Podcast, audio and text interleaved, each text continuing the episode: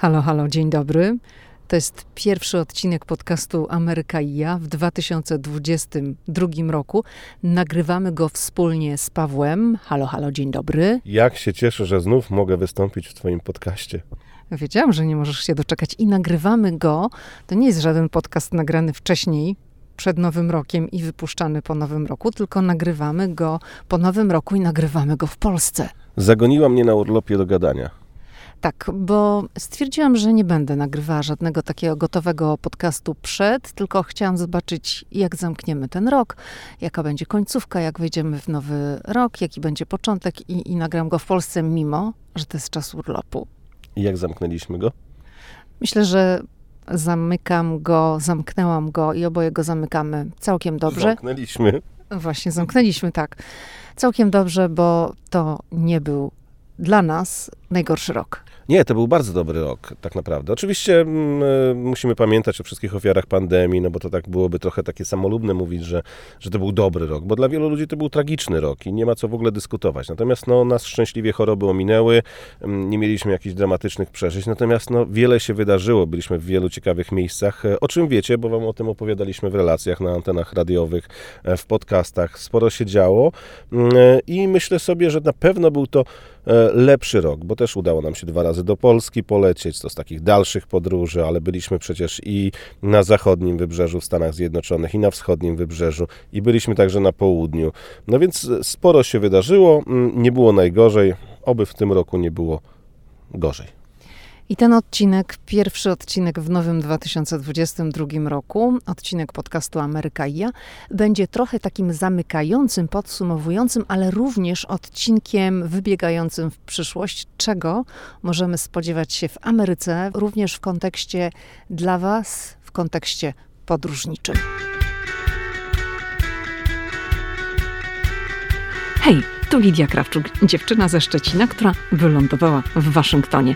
Ameryka mnie fascynuje, żyję w niej od ponad dekady i cały czas ją odkrywam. Podróż do Stanów Zjednoczonych była zawsze moim marzeniem. Nie sądziłam jednak, że w Ameryce kiedyś zamieszkam.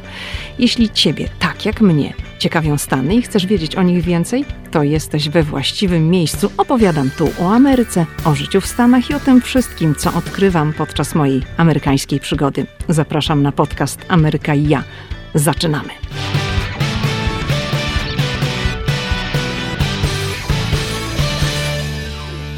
Myślę, że trudno nie uciec od samego początku od tematu pandemii i zaczniemy, myślę, od tego tematu, bo niestety pandemia determinuje nadal wszystko, wszystkie nasze działania i zawodowe, i prywatne, i podróże, wiele aspektów naszego życia.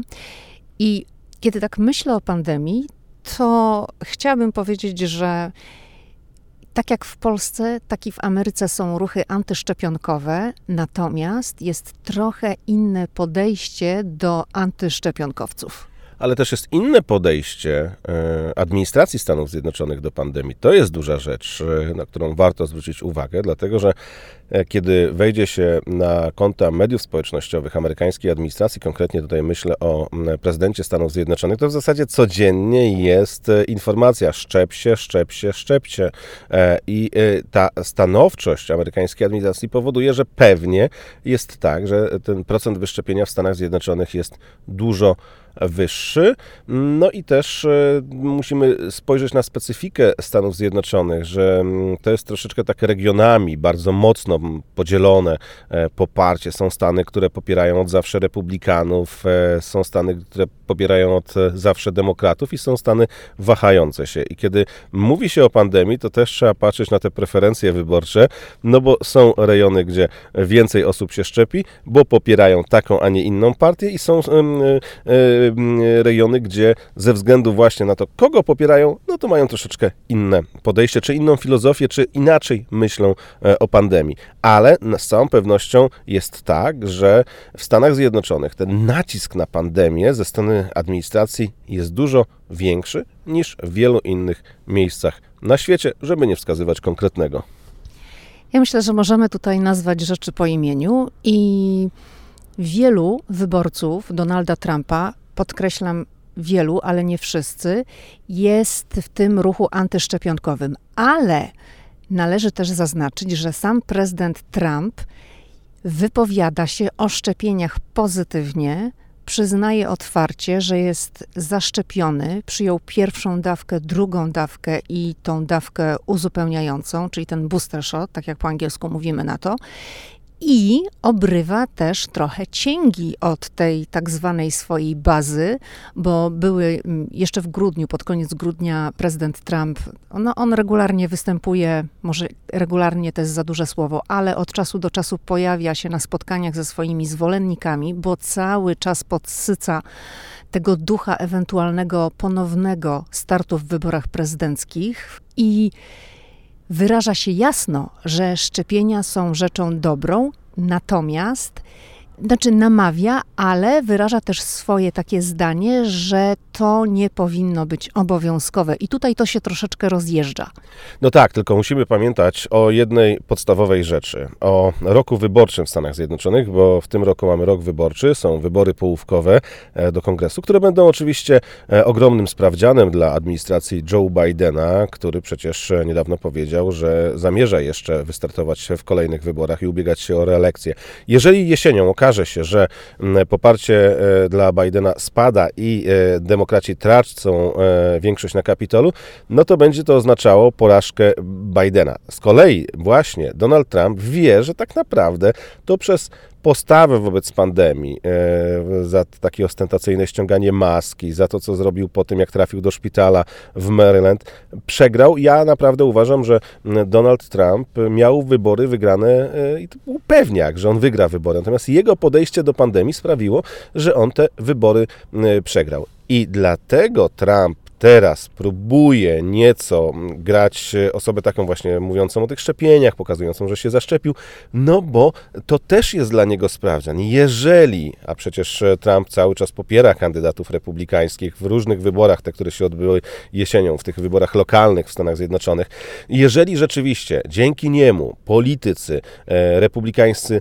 wygrają jesienne wybory, no to on będzie miał otwartą drogę do tego, by ubiegać się o ponowny urząd e, prezydenta Stanów Zjednoczonych, o czym marzy. On na razie jeszcze tego tak jakoś jasno nie deklaruje. No, pojawiają się informacje, my wiemy, że on chce, no ale on tego unika, no bo e, on równie dobrze jest obciążeniem dla partii republikańskiej.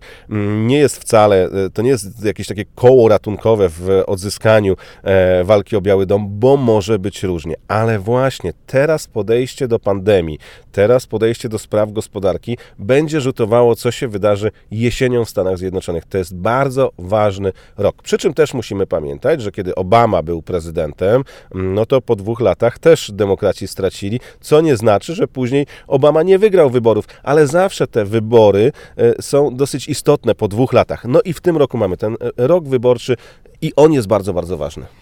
Ja osobiście uważam, że Donald Trump nie wystartuje w wyborach prezydenckich, że to jest taki trochę taniec. Donald Trump, no nie należy tego ukrywać, on uwielbia tą atmosferę spotkań, wieców wyborczych i tak dalej. Natomiast uważam, że on nie wystartuje.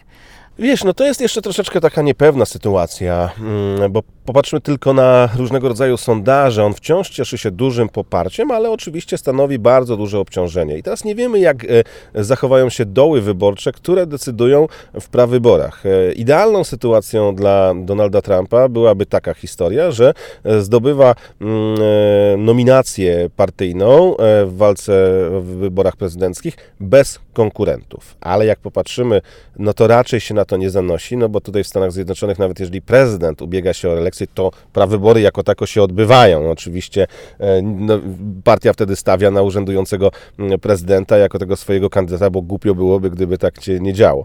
Natomiast w przypadku e, Donalda Trumpa zaczynają wyrastać ludzie, mm, którzy no być może mogą zagrozić e, Donaldowi Trumpowi. Takim kandydatem jest choćby gubernator Florydy, o którym się mówi. On na takich różnych Mm, konferencjach e, republikańskich, e, prawicowych, w takich e, badaniach sondażowych, nawet już wygrywał w sondażach przy okazji takich spotkań, że jednak popiera go więcej osób, bo to jest taki mm, troszeczkę, troszeczkę inna wersja Trumpa. Wciąż Trumpa, ale tak, mniej taki, mm, jakby to określić, mniej agresywny, ale z poglądami Trumpa. Taki no, trochę młodszy Trump, można tak powiedzieć. I do wyborów jeszcze wiele może się wydarzyć. I Trump cały czas jest w grze, bo ja uważam, że on jest w grze. Zresztą ja codziennie otrzymuję mm, jakieś 5-6 SMS-ów e, ze sztabu e, od współpracowników Donalda Trumpa, maili mniej więcej podobnie, on komentuje. Zrobił się bardzo aktywny i to wskazuje właśnie, że ten rok jest taki bardzo ważny. Mm, I wydaje mi się, że cały czas w głowie Trumpa jest e, jeszcze start w wyborach prezydenckich i on by chciał, tylko czy będzie odpowiedni klimat, bo jedna rzecz jest pewna. Trump nie zniesie porażki. Jeżeli partia republikańska powie, OK, chcesz wystartować, ale masz tutaj 15 konkurentów, to to będzie e, policzek dla Trumpa. On tego nie będzie e, tolerował i to mu się bardzo nie spodoba. Znając Trumpa, będzie podburzał różne regiony. No to jest e, taki styl uprawiania polityki, Wydaje mi się, że e, republikańscy politycy zdają sobie sprawę z tego, że to nie jest już idealny kandydat. E, oczywiście, gdyby on się ubiegał o reelekcję, no to tak, to wtedy, wtedy, wtedy tak, mm, ale teraz mogą postawić na kogoś młodszego, nieobciążonego, choćby szturmem na Kapitol, który wydarzył się w zeszłym roku, e, choćby niejasnościami podatkowymi i różnego rodzaju historiami. Dlatego uważam, że może być tak, że on jest wciąż w grze, on chce, ale może się coś wydarzyć. Ale też należy pamiętać, że jest ciągle wiele okoliczności zewnętrznych, o tych, o których mówi Paweł, ale również jedna zasadnicza rzecz. Donald Trump nadal nie może funkcjonować w platformach społecznościowych i tutaj jego głos jest, no, no nie słychać tego głosu. Dwa, Oczywiście zapowiada tworzenie swojej własnej platformy. Był już tam jeden taki strzał, ale tak naprawdę falstrat, bo to nic dobrego z tego nie wyszło. To się nie okazało jakimś wielkim sukcesem. A Poza tym jest jeszcze kwestia nastawienia amerykańskich mediów do Donalda Trumpa i pytanie, w jaką stronę amerykańskie media pójdą. Bo po tym, jak y, no, nastała nowa administracja, Joe Biden zaczął być prezydentem, trzeba powiedzieć uczciwie, telewizje zrobiły się nudne. Spadek oglądalności dla wszystkich stacji amerykańskich jest faktem, ponieważ w momencie, kiedy mieliśmy poprzednią administrację i ten cykl newsów, no po prostu te newsy się kręciły bez przerwy, ponieważ Donald Trump dostarczał tylu informacji, tylu kontrowersyjnych treści, że to wszystko się toczyło jak kula śnieżna. To był złoty czas dla amerykańskich mediów. Wiele karier się zbudowało dzięki właśnie tej administracji. I to się skończyło. I pytanie, jak zachowają się również amerykańskie media, bo jak była poprzednia kampania wyborcza, wtedy kiedy startował Donald Trump, to dla mediów był to samograj.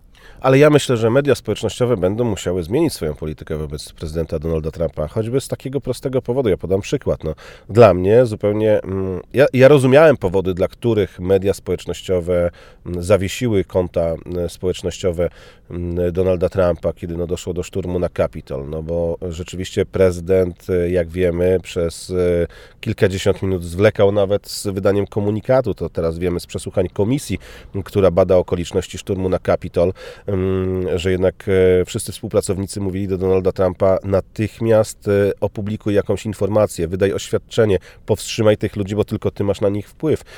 Donald Trump tego nie zrobił i rozumiem, dlaczego tak się stało. Natomiast kiedy popatrzymy sobie choćby na to, że talibowie w Afganistanie mają dostęp do mediów społecznościowych, którzy nie respektują praw człowieka, którzy są uzurpatorami, którzy przyjęli władzę, e, którzy łamią prawa człowieka, prawa kobiet, e, tak, przede wszystkim. I ci ludzie mają dostęp do mediów społecznościowych. I ja się nie dziwię tej irytacji, nawet nie samego Donalda Trumpa, bo on jest sam sobie winien, ale środowiskom republikańskim, które no, stawiają właśnie takie pytania. Halo, dlaczego nasz ulubiony prezydent, bo oni wciąż w niego wierzą, lubią, nie ma dostępu na kapitał tylko dlatego, że nie wierzą w legalność wyborów, a ludzie, którzy zabijają, obcinają ludziom ręce, mm, dokonują egzekucji publicznych, e, mówię tutaj o talibach, mają dostęp do mediów społecznościowych i to jest chore trudno się nie zgodzić z tym punktem widzenia. I, i, no i właśnie wracam do tego,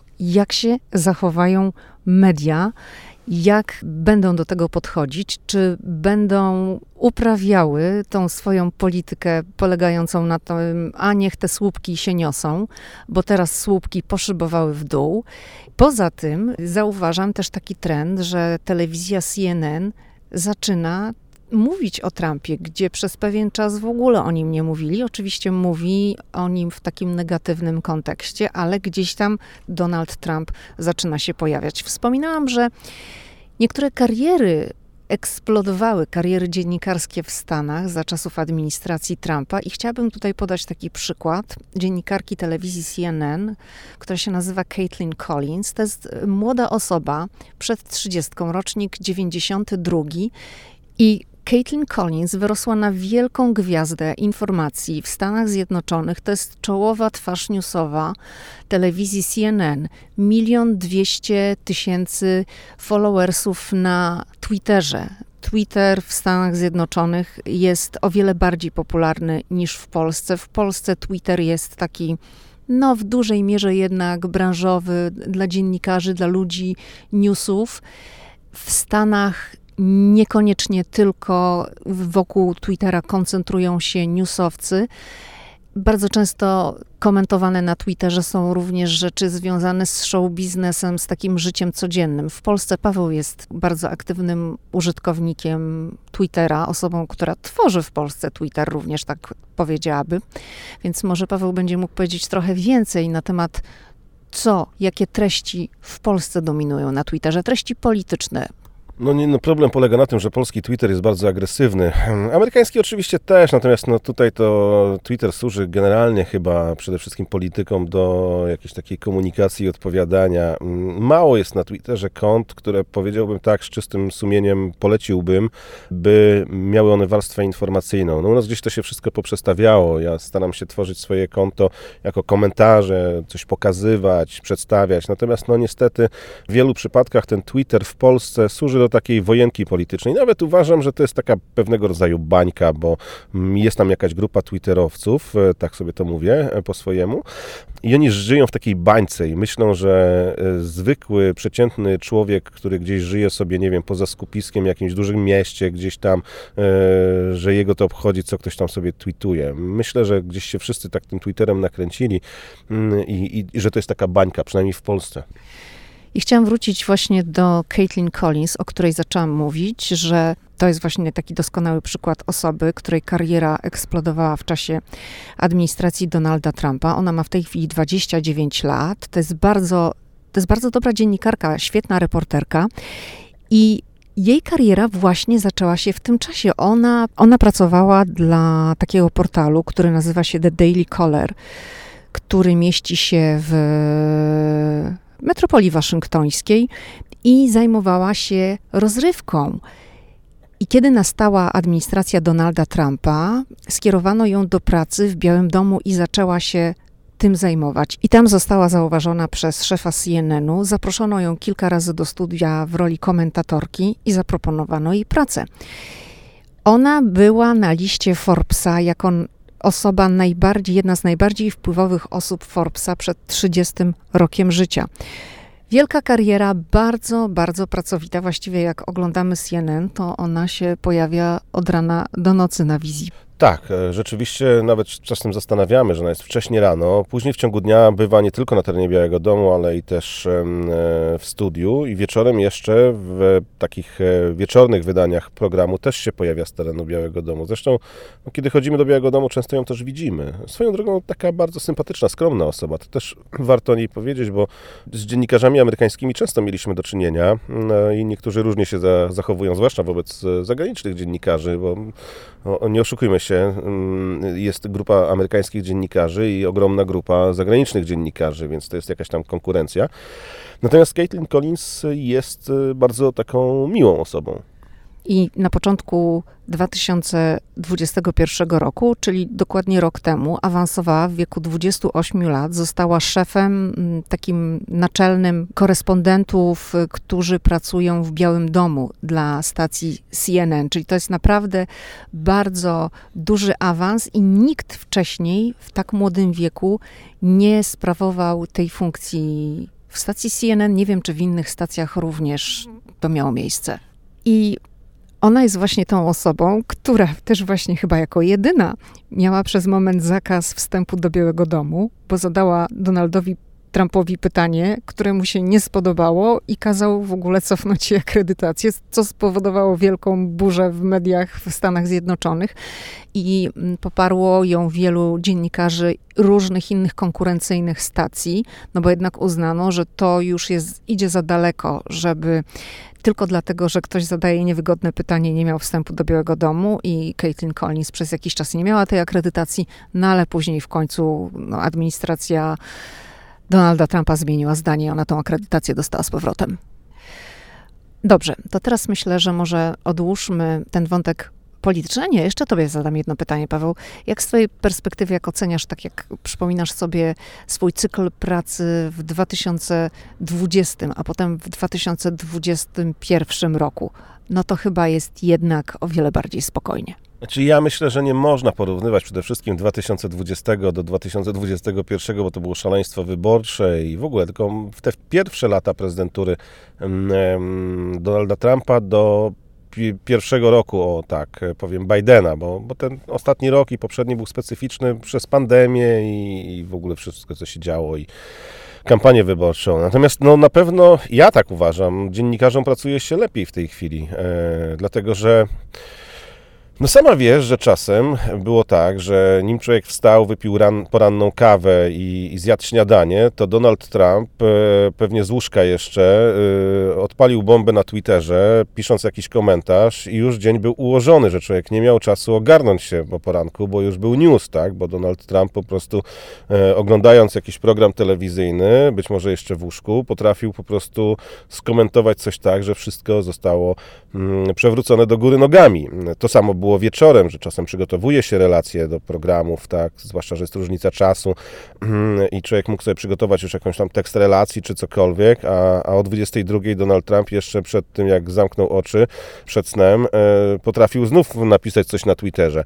E, poza tym przez szereg miesięcy nie było konferencji prasowych. E, Donald Trump dłużej rozmawiał z dziennikarzami w drodze do śmigłowca, kłócił się z nimi, ale takich konferencji prasowych, powiedziałbym, merytorycznych to raczej nie było. I to był mm, problem, że człowiek pracował cały czas i cały czas mm, martwił się, mm, czy jak na chwilę wyłączy Twittera, czy jak przestanie śledzić paski czy doniesienia światowych agencji, to coś tam się wydarzy. Natomiast w tej chwili są konferencje prasowe, jest możliwość zadania co jakiś czas prezydentowi Bidenowi pytania. To wszystko jest na takim większym spokoju, tak? Wróciło to, co było za czasów choćby Obamy, że jest konferencja prasowa, no to jest ten czas, kiedy idziesz do Białego Domu, zadajesz pytanie albo nie, bo przecież nie zawsze się uda, mm, ale to jest uporządkowane i to jest ta duża zmiana. Dla dziennikarzy, takich jak ja, e, uważam, że to jest dobre, no bo, bo, bo, bo nie ma tego chaosu. Myślę, że tutaj też warto wziąć pod uwagę aspekt y, charakteru pracy, bo inny charakter pracy ma praca korespondenta zagranicznego, a inny charakter pracy ma praca dziennikarzy amerykańskich, którzy zawsze gdzieś tam specjalizują się w swojej działce. I korespondent zajmuje się wszystkim, czyli ma no to spektrum do ogarnięcia bardzo duże. Dziennikarze polityczni w Ameryce zajmują się polityką, społeczni, sprawami społecznymi itd., tak itd. Tak I teraz czytałam taki artykuł, to było chyba w Forbesie, gdzie dziennikarze z część z imienia z nazwiska, część anonimowo, narzekali, że w tej chwili pracuje się gorzej, że trzeba naprawdę się wysilać. Tutaj myślę zwłaszcza o tych wszystkich mm, dziennikarzach, którzy zajmowali się wszelkimi tematami związanymi z działalnością, z funkcjonowaniem administracji, z polityką, ponieważ, tak jak Paweł powiedział, Donald Trump miał zwyczaj odpalania bomb różnych bardzo często. Nie ma też przecieków jak były czasy administracji Donalda Trumpa, co chwilę były jakieś przecieki. Wiedzieliśmy, co się dzieje w Situation Room. Tak, w tej chwili takich informacji nie ma. No jest wszystko bardziej uporządkowane. Mi to bardziej odpowiada. To nie chodzi o to, czy ja lubię bardziej Bidena czy Trumpa, bo ja się z tym nie zdradzam i nie mam ochoty na takie tematy się wypowiadać. Natomiast y, ja lubię uporządkowany styl pracy, tak, że kiedy wiem, że jest konferencja prasowa, to wtedy no coś tam może się pojawić. Kiedy wiem, że Biden leci gdzieś tam sobie, no to może podejdzie do dziennikarzy, może zada pytanie i wtedy w okolicach tej godziny może wyskoczyć jakiś tam news. Natomiast no, nie znosiłem tego, że o 6 rano byłem zaskakiwany jakąś tam historią y, z Donaldem Trumpem, no co przewracało cały dzień. Dobrze, to może już zamknijmy ten wątek dotyczący polityki, tego w jaki sposób zmieniało się wszystko to, co się działo dookoła Białego Domu i porozmawiajmy trochę o tej Ameryce, której możemy się spodziewać w 2022 roku, ale w kontekście dla naszych słuchaczy, w kontekście podróży. Czy ty, Paweł, uważasz, nagrywamy ten podcast na początku stycznia, na początku nowego roku. Czy ty uważasz, że może zapaść decyzja o ponownym zamknięciu granic w związku z pandemią? Ej, to jest tak trudne pytanie. Kilka dni temu zastanawiałem się nad tym, co się może wydarzyć, no to też w kontekście naszego powrotu do Stanów Zjednoczonych. Mm, wiesz, to jest możliwe. Mm, to jest trudne i to spowodowałoby, jeżeli taka decyzja zostałaby podjęta, że wtedy znowuż na rok utkniemy i, yy, i nieprędko to zostanie zniesione. Natomiast no, to jest też problem dla administracji, jeżeli chodzi o linie lotnicze, tak? bo to są poważne problemy finansowe i to nie jest łatwa decyzja. Natomiast e, ta administracja e, utworzyła sobie z walki z pandemią priorytet. I mm, biorąc pod uwagę, co w tej chwili dzieje się w Stanach Zjednoczonych, czyli e, duże wzrosty mm, zachorowań, Taka decyzja może zapaść, ale też bardzo złą sytuację w tej kwestii robi to, co się dzieje w różnych innych państwach na świecie. Choćby popatrzmy na to, co się dzieje w Polsce, tak? Dużo hospitalizacji, mały procent e, testowania i administracja może podjąć taką decyzję nie tylko ze względu na sytuację w Stanach Zjednoczonych, bo tam jest dużo oczywiście przypadków, ale nie jest najgorzej z hospitalizacjami i szpitale nie są jeszcze, przynajmniej w niektórych miejscach, przepełnione, ale mm, jeżeli omikron zacznie szaleć bardziej niż już szaleje, a przecież w tej chwili to już jest e, naprawdę mnóstwo przypadków omikrona, to obawiam się, że taka mm, decyzja może zostać e, wprowadzona, choć ona będzie bardzo trudna do podjęcia, bo teraz e, mm, proszę sobie mm, wyobrazić, że przez cały rok, e, a także jeszcze wcześniej w kampanii wyborczej Biden mówił o tym, jak to jego administracja podejdzie do pandemii poważnie i jak to szczepionki pomogą w walce z pandemią i jak to jego kampanie promujące szczepienia spowodują, że Amerykanie szybko wyjdą na prostą. Przecież już 4 lipca przy Dniu Niepodległości to miał być ten moment, kiedy ten symboliczny moment zakończenia pandemii. No, nadeszła jesień, nadeszła zima, no i mamy kolejną falę pandemii z nowym wariantem i to też ze względów takich politycznych, w tym roku wyborczym, o czym mówiłem na początku, podjęcie takiej decyzji będzie niejako troszeczkę taką porażką. Ja się obawiam, że mogą być wprowadzane w pierwszej kolejności różnego rodzaju dodatkowe obostrzenia, choćby kwarantanna, tak, że dla tych, którzy przyjadą, że mogą zostać wprowadzone tutaj jakieś dodatkowe obostrzenia, bo te testy 24-godzinne już na przykład dla zaszczepionych, to już jest spore utrudnienie, to też jest zniechęcenie, ale mm, e, przecież taki Nowy Jork, miasto, które żyje z, z, turystyki, no, załamałoby się, gdyby nagle znów e, został wprowadzony zakaz e, lotów. Przecież miasto czeka na turystów i wiele amerykańskich miast czeka na turystów. Ci amerykańscy turyści nie wystarczą. Też e, musimy pamiętać o tych galopujących cenach w Stanach Zjednoczonych, wywołanych właśnie pandemią, tą zmianą w tym krajobrazie turystycznym. Jest to możliwe, e, ale myślę, że w pierwszej kolejności administracja sięgnie po inne kroki. Liczę na to, że to, że to nie zostanie wprowadzone, choćby z powodów politycznych, jakoś będą próbowali mm, to robić, natomiast no, to nie jest niewykluczone. Paweł wspomniał o galopujących cenach i to jest to, przy czym chciałabym się na chwileczkę zatrzymać, bo niestety, jeżeli będziecie planować swoje podróże do Stanów Zjednoczonych, to musicie spodziewać się zwłaszcza te osoby, które kiedyś były i orientują się, co ile kosztuje w Stanach, no to w Stanach te ceny poszły sporo w górę i to dotyczy wszystkiego i zakupów w sklepie, żywności i różnych innych dóbr, ale też przede wszystkim stawek, jakie obowiązują w hotelach. Ceny za nocleg naprawdę bardzo poszły w górę. Ceny wypożyczenia samochodu, transport lotniczy, samochodowy, to wszystko, wszystko poszło naprawdę bardzo wysoko do góry.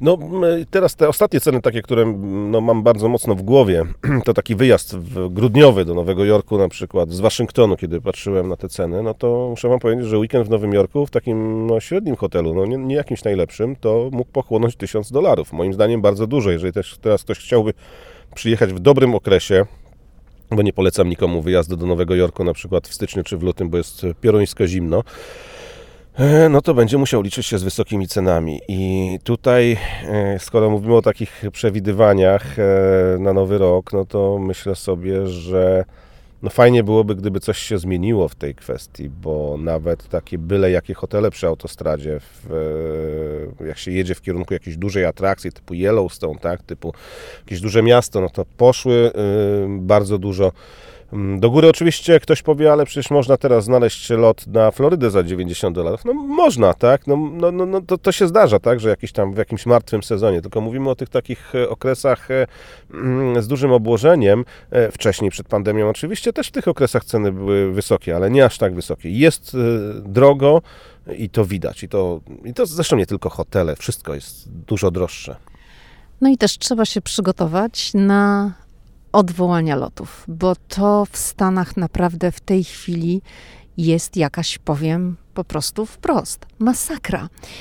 Tych lotów odwoływanych jest bardzo dużo, to są różne powody. Najczęściej są to powody wynikające z niewystarczającej ilości osób do pracy. Z jednej strony to jest kwestia polityki linii lotniczych. Linie lotnicze zmuszają ludzi do szczepień. Nie wszyscy chcą się szczepić. Z drugiej strony, nie wszyscy chcą pracować w warunkach pandemii. Mają dosyć pracy w maskach, mają dosyć tej konieczności obcowania z pasażerami, którzy bywają różni. I te loty w ostatnich czasach są bardzo często odwoływane z dziwnych powodów. My jesteśmy przykładem takich osób, którym odwołano lot. Mieliśmy kupione bilety na lot do, do Miami. Czy byliśmy w Miami na święto dziękczynienia, ale musieliśmy pojechać samochodem, bo w ostatniej chwili odwołano nam lot i to odwołano nam właściwie tak do końca nie wiemy dlaczego nam, znaczy inaczej, nie odwołano lotu. Lot się odbył, natomiast linia lotnicza skasowała nam bilety. To jest szaleństwo z tymi lotami, tak, bo no, niestety też e, w ostatnich dniach śledziłem informacje ze Stanów Zjednoczonych, gdzie Mm, e, w okolicy właśnie Nowego Roku e, ludzie zostali pozbawieni możliwości powrotu ze względu na to, że jest dużo przypadków tego wariantu Omikron. Nagle okazuje się, że pół załogi jakiegoś tam samolotu musi zostać no, poddanych kwarantannie. I, i co, co robi linia lotnicza?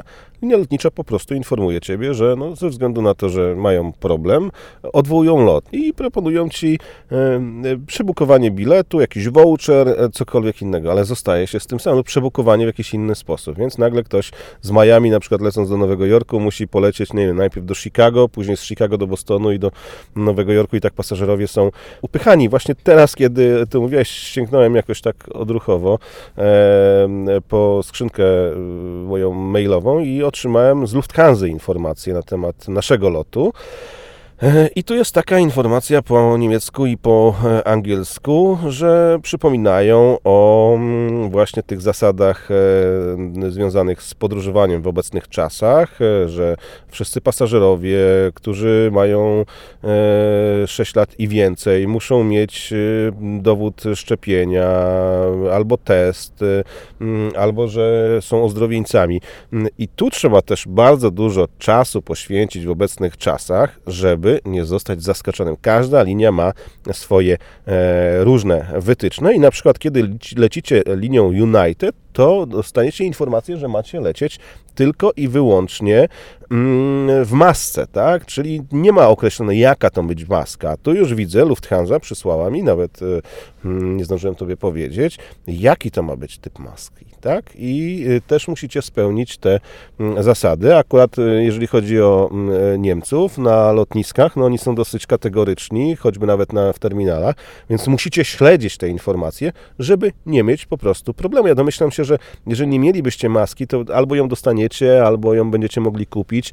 No ale teraz, przygotowując się do podróży, te informacje musicie śledzić. To samo, kiedy słuchacie nas w Stanach Zjednoczonych i będziecie lecieć do Polski, no to na przykład teraz, w obecnych czasach, w obecnych wytycznych na dzień, kiedy nagrywamy ten podcast, no to musicie w Polsce pokazać negatywny test. Ale już na przykład taka historia, kiedy lecicie do Polski w taki sposób, że na przykład lecicie mm, z Nowego Jorku gdzieś tam do Berlina i później jedziecie samochodem, no to wjeżdżając do kraju, nikt was o ten test nie poprosi, bo nie ma takiej kontroli, ale zgodnie z wytycznymi, każda osoba wjeżdżająca do Polski spoza strefy Schengen powinna mieć wykonany test. No tyle tylko, że jak się leci z jakąś tam przesiadką, e, a później wjeżdża do Polski samochodem, no to ten system nie jest szczelny, no ale kiedy lecicie właśnie bezpośrednio do Polski, to musicie pamiętać, że taki test e, musi być wykonany, bo później są problemy.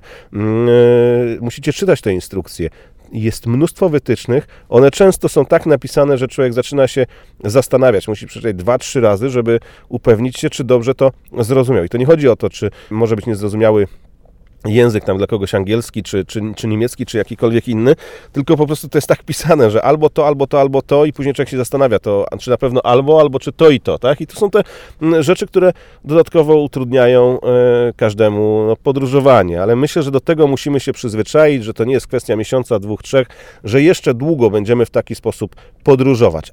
Więc musicie pamiętać o tych wytycznych, jeżeli decydujecie się na podróż, żeby po prostu dokładnie sprawdzać, e, jaka linia, jakie ma wytyczne, jaki kraj, jakie ma e, wymogi, żeby nie mieć po prostu w czasie podróży problemów. Ja myślę, że można powiedzieć tak, że jeżeli będziecie decydować się na podróż do Stanów Zjednoczonych, to będziecie na etapie tego wyboru, dokąd się udajecie, jaki obieracie kierunek, kierowali się do różnych światów, bo sytuacja pandemiczna i podejście do pandemii w poszczególnych miastach, Stanach, Stanów Zjednoczonych jest różne i jest inne. I kierunek waszej podróży będzie zależał od tego, jak będziecie się w tej rzeczywistości odnajdywać. Wspominaliśmy o odwoływaniu lotów, o bardzo takiej różnej i niefajnej często sytuacji na lotniskach. Mówię to w tym kontekście, do osób, które gdzieś tam mają na przykład w planach przemieszczanie się między Stanami i korzystanie już z tych krajowych linii lotniczych w Stanach Zjednoczonych. Z tym może być różnie. Paweł, zatem czego może powiedzmy spodziewać się w tym pierwszym półroczu w Stanach Zjednoczonych w kontekście przyjazdów do Ameryki, w kontekście podróży? Niewielkich zmian, dlatego że wszystkie prognozy mówią, że będzie w najbliższych tygodniach gorzej, z wersją Omikron przede wszystkim w Stanach Zjednoczonych. E, znając podejście amerykańskiej administracji, nie będzie tutaj żadnego poluzowania i uważam, że wiosna będzie jeszcze bardzo mocno z obostrzeniami. Tutaj znów może być takim hasłem przewodnim właśnie ten czwarty dzień lipca, Dzień Niepodległości, jakiś taki, nie wiem, kolejny etap zamykania pandemii, przy czym znów nie wiemy, co będzie e, jesienią i zimą. Mówię tutaj o kolejnej fali, bo to, że będzie będziemy mieli sezonowo kolejne fale, no to epidemiolodzy mówią, wiele zależy od tego procentu wyszczepienia e, i mutowania się tych, e, tego wirusa. Ale jeżeli, odpowiadając tak konkretnie na Twoje pytanie, w pierwszym półroczu w Stanach Zjednoczonych nie wiem, czy zostaną wprowadzone dodatkowe obostrzenia, jak mówiłem, typu zakaz wjazdu do Stanów Zjednoczonych, natomiast na pewno nie spodziewałbym się jakiegoś poluzowania, typu nagle, że będziecie mogli podróżować do Stanów Zjednoczonych bez testu. Te testy zostaną z nami na wiele, wiele miesięcy, a już dowód szczepienia na pewno. E, w związku z czym, e, jeżeli planujecie podróż do Stanów Zjednoczonych, to jestem przekonany, że tu się nic nie zmieni. Co będzie w drugiej połowie roku? Trudno powiedzieć, to wszystko zależy od tego, co wydarzy się w najbliższych tygodniach, jeżeli chodzi o kolejną falę mm, e, pandemii. Życzymy Wam zatem dobrego 2022 roku. Jeżeli macie w planach podróże do Stanów Zjednoczonych, no to weźcie pod uwagę to, o czym wszystkim mówiliśmy. No i cóż, Pawle, no i wszystkiego dobrego, żeby to był dobry rok, e, żeby to był taki szczęśliwy rok. No, no oczywiście pieniędzy też Wam życzę, nie? Ale trzeba pamiętać, że na Titaniku wszyscy mieli pieniądze, zabrakło szczęścia, jak to mówią, więc no chyba szczęścia życzymy, nie? A to Ci się przypomniało, bo oglądaliśmy Titanica w święta, nie? Tak, tak, no ale to nie jest e, moja jakaś myśl. Gdzieś ją przeczytałem i bardzo ona mi się spodobała. Że rzeczywiście nie pieniędzy, bo pieniądze, no to jest rzecz, która jest, której nie ma, no różnie to w życiu bywa. No ale tego szczęścia potrzeba zawsze. No i zdrowia. No, na przykład można założyć, że tym szczęściem będzie to, że nie zachorujemy. I wtedy będzie zdrowie. Wszystkiego dobrego. To wszystko na dzisiaj. Słyszymy się w kolejny wtorek. Do usłyszenia.